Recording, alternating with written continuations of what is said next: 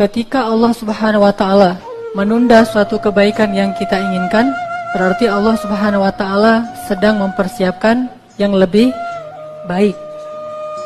Artinya kenapa kok nggak dikasih sekarang? Lagi disiapin.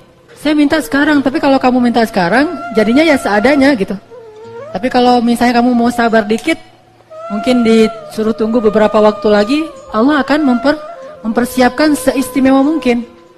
Sehingga ketika kita pengen mendapatkan perempuan yang istimewa, laki-laki yang istimewa, maka kita berusaha sedikit dan usaha kita yang sedikit itu salah satunya adalah bersa bersabar.